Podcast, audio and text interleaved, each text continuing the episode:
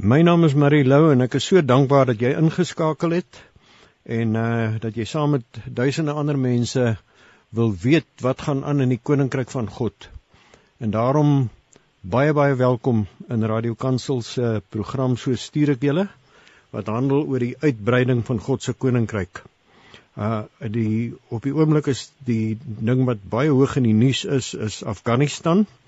En ons het ook al geweet en ons het ook al geleer dat as 'n ding heeltemal verkeerd loop, dan het dit vir God niks kleiner of minder gemaak as wat hy was nie. En dan is dit tyd om te sê haleluja. Haleluja beteken nie ek voel lekker daaroor nie. Haleluja beteken twee dinge. Dit beteken in die eerste plek God is groot en dis altyd waar, ook in 'n ramp.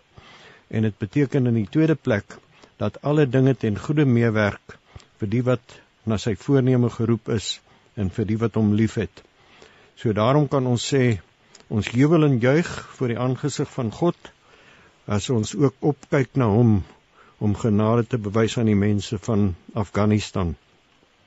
Gustav Krus is die leier van van ehm um, wat noem jy nou daai nuwe ding? Dis um, in context in context ministries.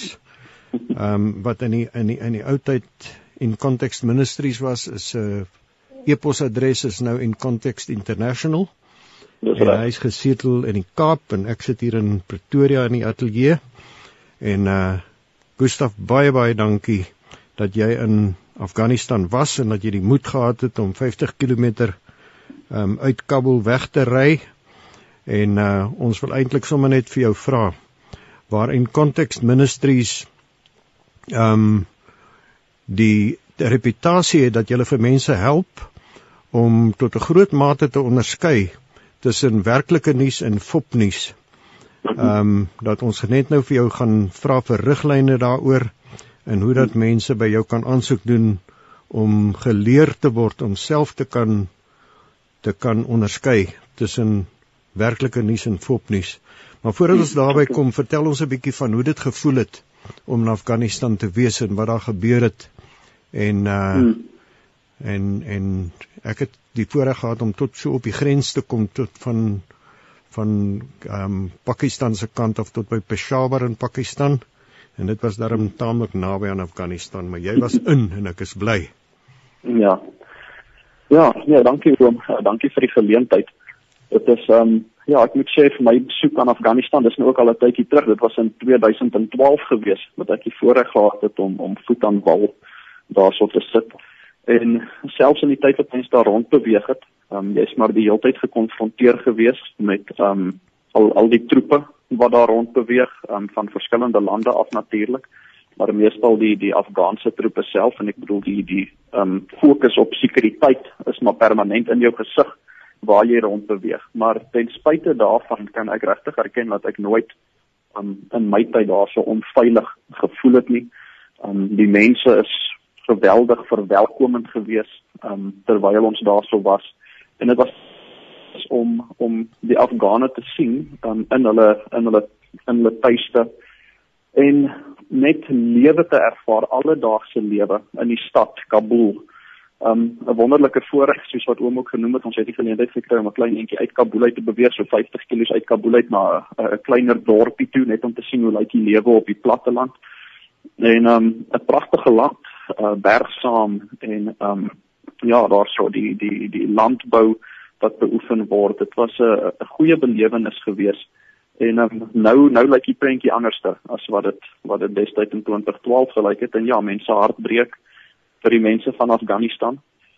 En um ja, mense wens mense kan teruggaan. Um reeds in hierdie tyd um dat die mense jou eintlik nou die nodigste het.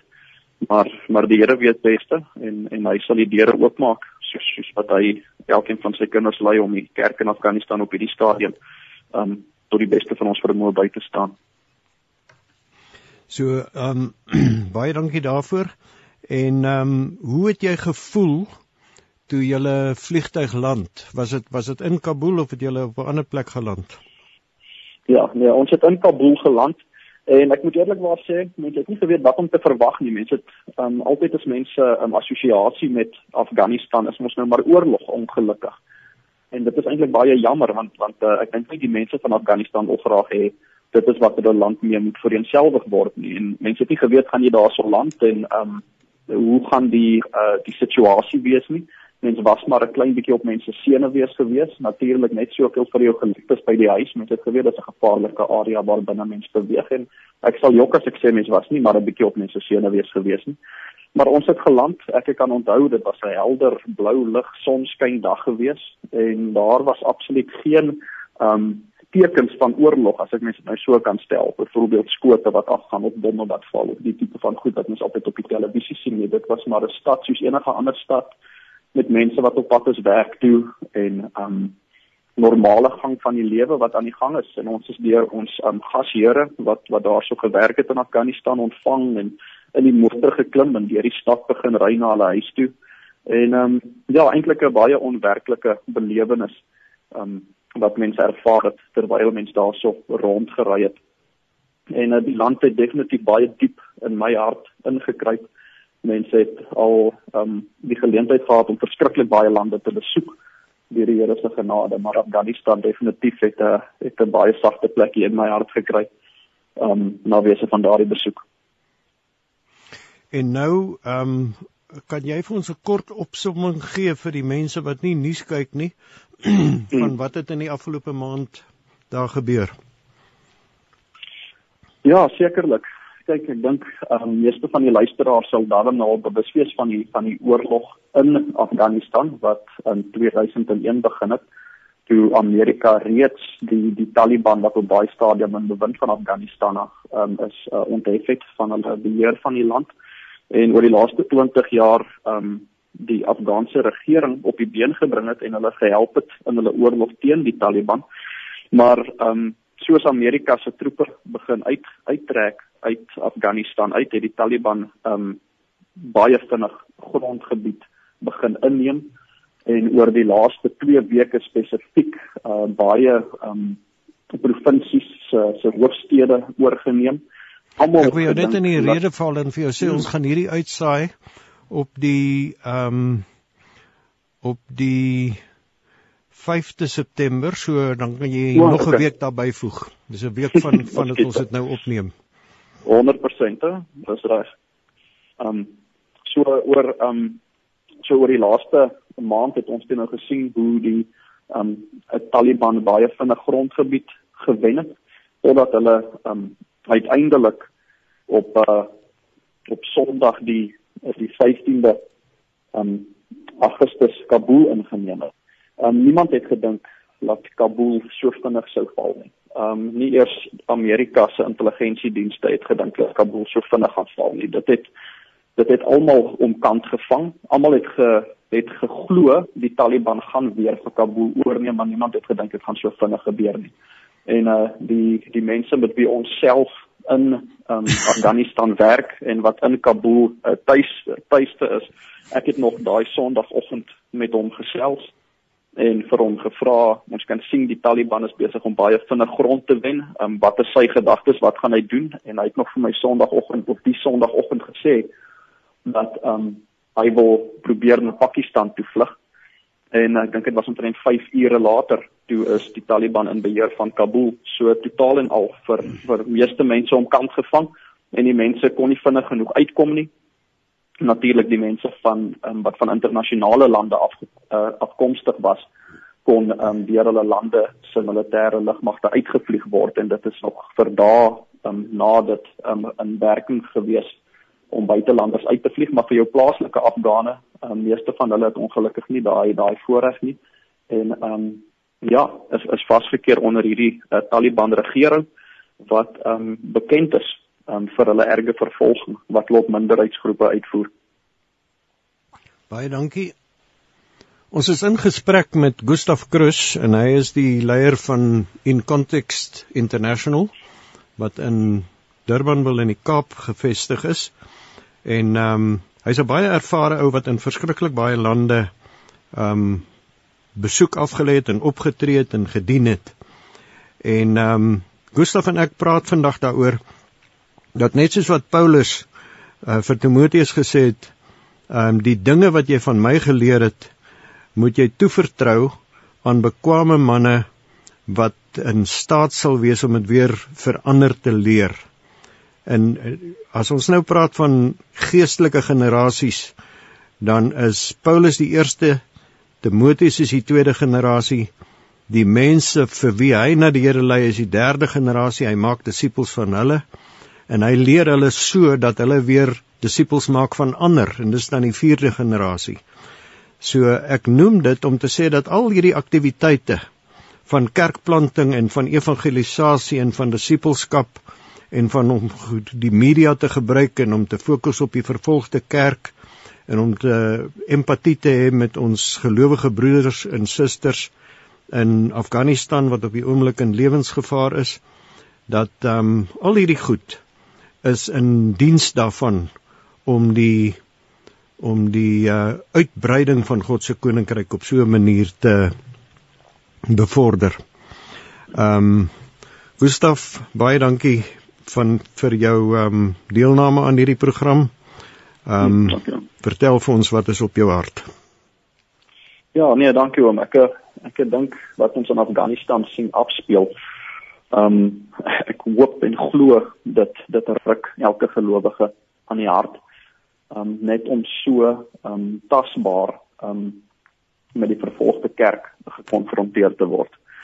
En um, vir myself um, het mens baie vrae om te vra maar um, hoekom en hoe En ek dink dan is dit belangrik vir elke gelowige om homself en haarself te herinner dat um, vervolging is nie is nie iets snaaks um, vir vir die kerk nie dat um, deurlopend deur die Nuwe Testament word die um, die onderwerp van vervolging aangeraak. En ek dink spesifiek as mens kyk na um, Jesus wanneer hy praat spesifiek in Matteus 24 wanneer hy praat van die tekens van die van die eindtye, die tekens wat sal plaasvind voordat hy sal sal terugkom. Uh praat hy onder andere oor vervolging en dat vervolging van van gelowiges sal toeneem um, voordat ons sy wederkoms sal sien.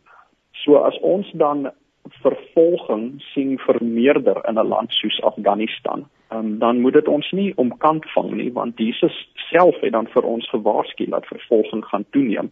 So inderwaarheid is dit maar net vervulling van Bybelse profesie wat Jesus self gespreek het dat um, vervolging deel van gelowiges um, se lewens sal wees. En in ander lande is die realiteit dat dit baie veller is as in ander lande. En Afghanistan um, tans onder um, beheer van die Taliban um, sien 'n uh, groot toename van hierdie vervolging. En mense kry dan baie verskillende teorieë van wat moet Christene doen wanneer hulle hierdie vervolging um ervaar. En ek dink weer eens as mense na die skrif kyk, dan sien mense dat daar is nie een goue reël dat almal moet vlug of almal moet staande bly nie. Laat die Here gebruik vervolging op verskillende maniere. En bloot as mens kyk na um in Handelinge um, waar vervolging in die kerk in Jerusalem uitbreek en dan dan hoor en dan word daar ons vertel hoe die mense gevlug het in Judea en in Samaria, maar hoe hulle gevlug het, het hulle die evangelie saam met hulle geneem. So dit was nie noodwendig sleg dat hulle gevlug het nie, soos wat hulle gereis het en gevlug het, het hulle die evangelie saamgeneem met met, met mense gedeel um in ander gebiede. En ek glo dit is net so waar vir die um Christen Afghane wat voel hulle moet vlug of of wat wel vlug laat daar waar hulle in nuwe lande um, gaan vestig um hoofsaaklik vestig vlugtelinge um saam met mense van hulle eie land. So in hierdie verband as hulle saam met ander afgane vestig in in nuwe lande as vlugtelinge en hulle het die evangelie met hulle kan hulle nog steeds die evangelie daarso met afgane deel al is dit nie meer in Afghanistan self nie um, wees die weens die erge vervolging in Afghanistan is dit natuurlik in elk geval baie gevaarlik om die evangelie te deel. So wat baie keer ook gebeur is is dat vlugtelinge eindig in 'n land op waar daar nie erge vervolging is nie of um wette is wat hulle verhoed om te evangeliseer nie. So dis in baie kere ook baie veiliger om in ander lande die evangelie te deel. So die kans is ook baie goed dat soos nie gelowige Afghane ook vlug hulle miskien in ander lande, um Pakistan of Indië, um in Europa waar die vlugtelinge ook al sal opeindig laat hulle die evangelie daarso gaan teekom. So om te vlug is is baie keer dan hoor mense om te wat mense sou sê dat um, maar mense moenie vlug nie, hulle moet staande bly. Maar maar die die wat vlug word ook gebruik in die Here se hand om sy koninkryk uit te brei. Maar ek dink dan die meeste van ons se hart sal wees by die wat bly. En dit is iets wat ons baie vinnig gesien het binne die Afghaanse ondergrondse kerk. En miskien moet ek daarso net 'n bietjie uitbrei aan vir mense wat miskien nie noodwendig bewus is nie, is dat jou hele plaaslike Afghaanse kerk is 'n ondergrondse kerk. Daar is nie 'n 'n enkele kerk gebou in Afghanistan nie weens die erge vervolging binne Afghanistan. So jou hele kerknetwerk binne die land is 'n huiskerknetwerk of 'n ondergrondse netwerk. Um weens die vervolging wat wat so vel is. So dit is 'n belangrike punt om te onthou dat die die vervolging was reeds daar gewees in die Afghaanse kerk nog voordat die Taliban aan bewind gekom het. Die Afghanistan was al reeds die land met die tweede ergste vervolging op Christene in die wêreld volgens geopende deure um se se wêreldranglys vir vervolgde lande. So dit wys vir jou dat die vervolging was al klaar so erg. Ek wil myself dink dat jy nie eers 'n kerkgebou kan oprig in 'n land nie. Dan moet jy weet die vervolging is al klaar geweldig erg. En nou is die Taliban in beheer wat nog 'n baie meer ekstreme vorm van um van die Sharia wet aanhang. En sodoende vervolging um uitvoer um, op minderheidsgroepe en spesifiek ook Christene. So vir die Christene wat bly wat nie vlug nie, um, is daar 'n prys om te betaal. En die feit dat hulle bereid is om te bly. Ja, ehm um, dit maak mens emosioneel. Dat dit wys vir 'n mens dat dit wat Jesus vir ons gesê het van vervolging is is 'n realiteit. Maar ehm um, laat dit nie ehm um, iets is om om voor weg te duins nie, maar laat dit iets is wat die ehm um, die werklikheid van ons geloof na vore bring.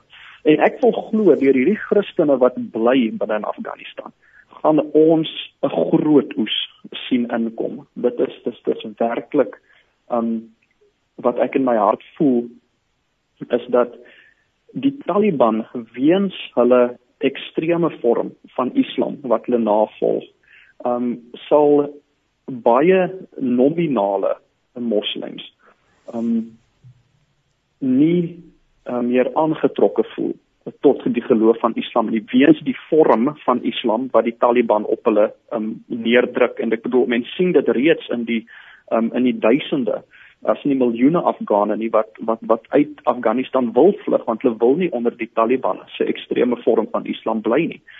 En dan in hierdie oomblik um, van um, verwardheid en hopeloosheid um, en soeke na hoop is daar 'n plaaslike Afghaanse kerk wat die enigste antwoord tot ware hoop het.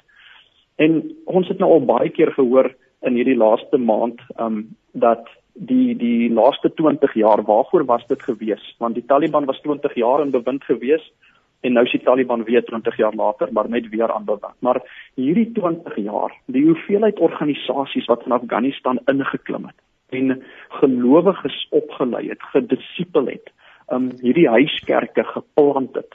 In hierdie 20 jaar is daar 'n ondergrondse kerknetwerk gevestig om nou die net te wees om jou nominale moslemgelowiges wat nou soekend is na hoop weens die Taliban wat maar net weer terug in beheer is om daai klomp mense op te vang.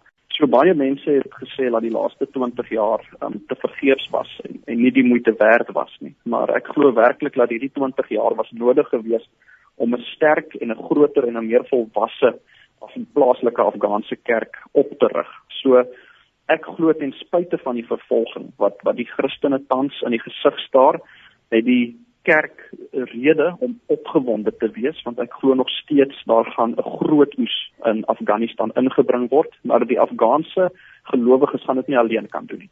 Dit staan dit staan ook in in in Matteus daar waar jy gepraat het van die van die ehm um profetiese rede.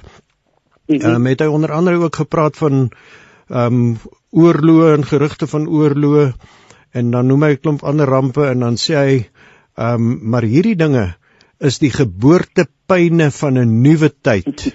Dis reg. En en en dit is vir my so bemoedigend want want daai mense wat nou so ge, ge, getraumatiseer is, hulle mm -hmm. hulle is soos wat jy net nou gesê het, honger en dors vir Jesus en Jesus het gesê almal wat dors het kom na my.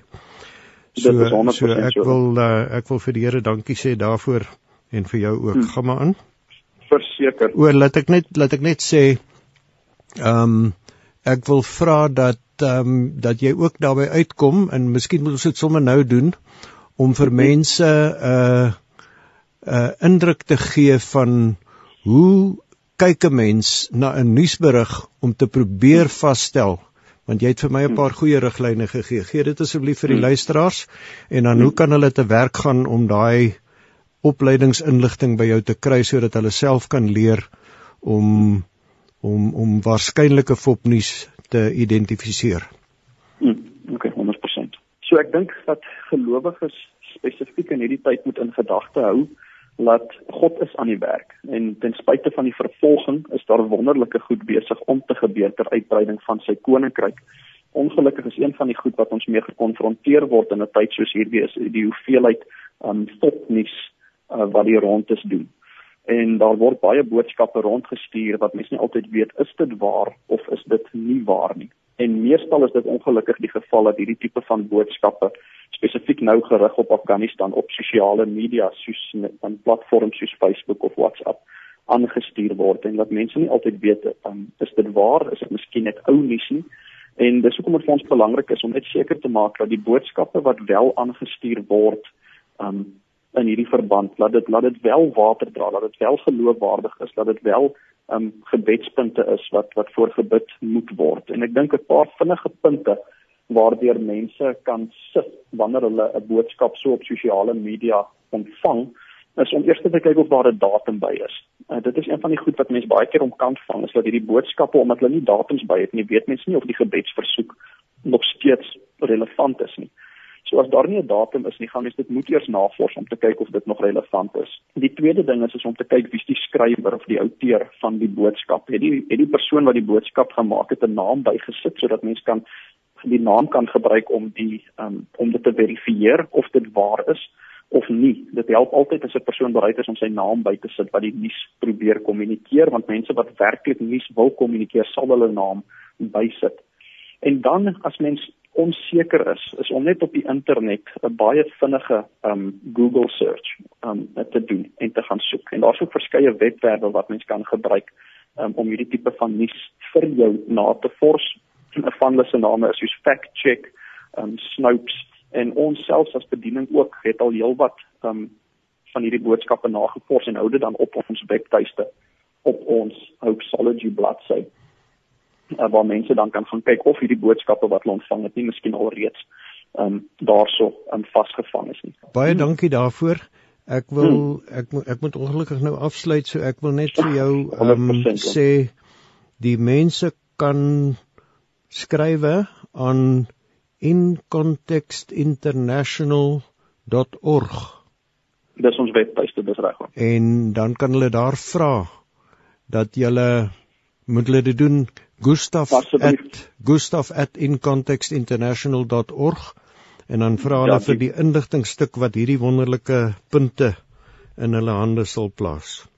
100% ja, die web die die e-posadres is nog gustaf@incontextministries.org. Baie dankie en jy kan die luisteraars groet en dan is ons aan die einde van die program. Ja, baie dankie vir die geleentheid en uh mag mag ons aanhou bid vir die kerk in Afghanistan. Amen. En ek wil vir julle luisteraars ook sê baie dankie dat julle saam geluister het en wees asseblief voorbidders vir hierdie eeu van geweldige geleenthede in die naam van Jesus. Dankie, totsiens.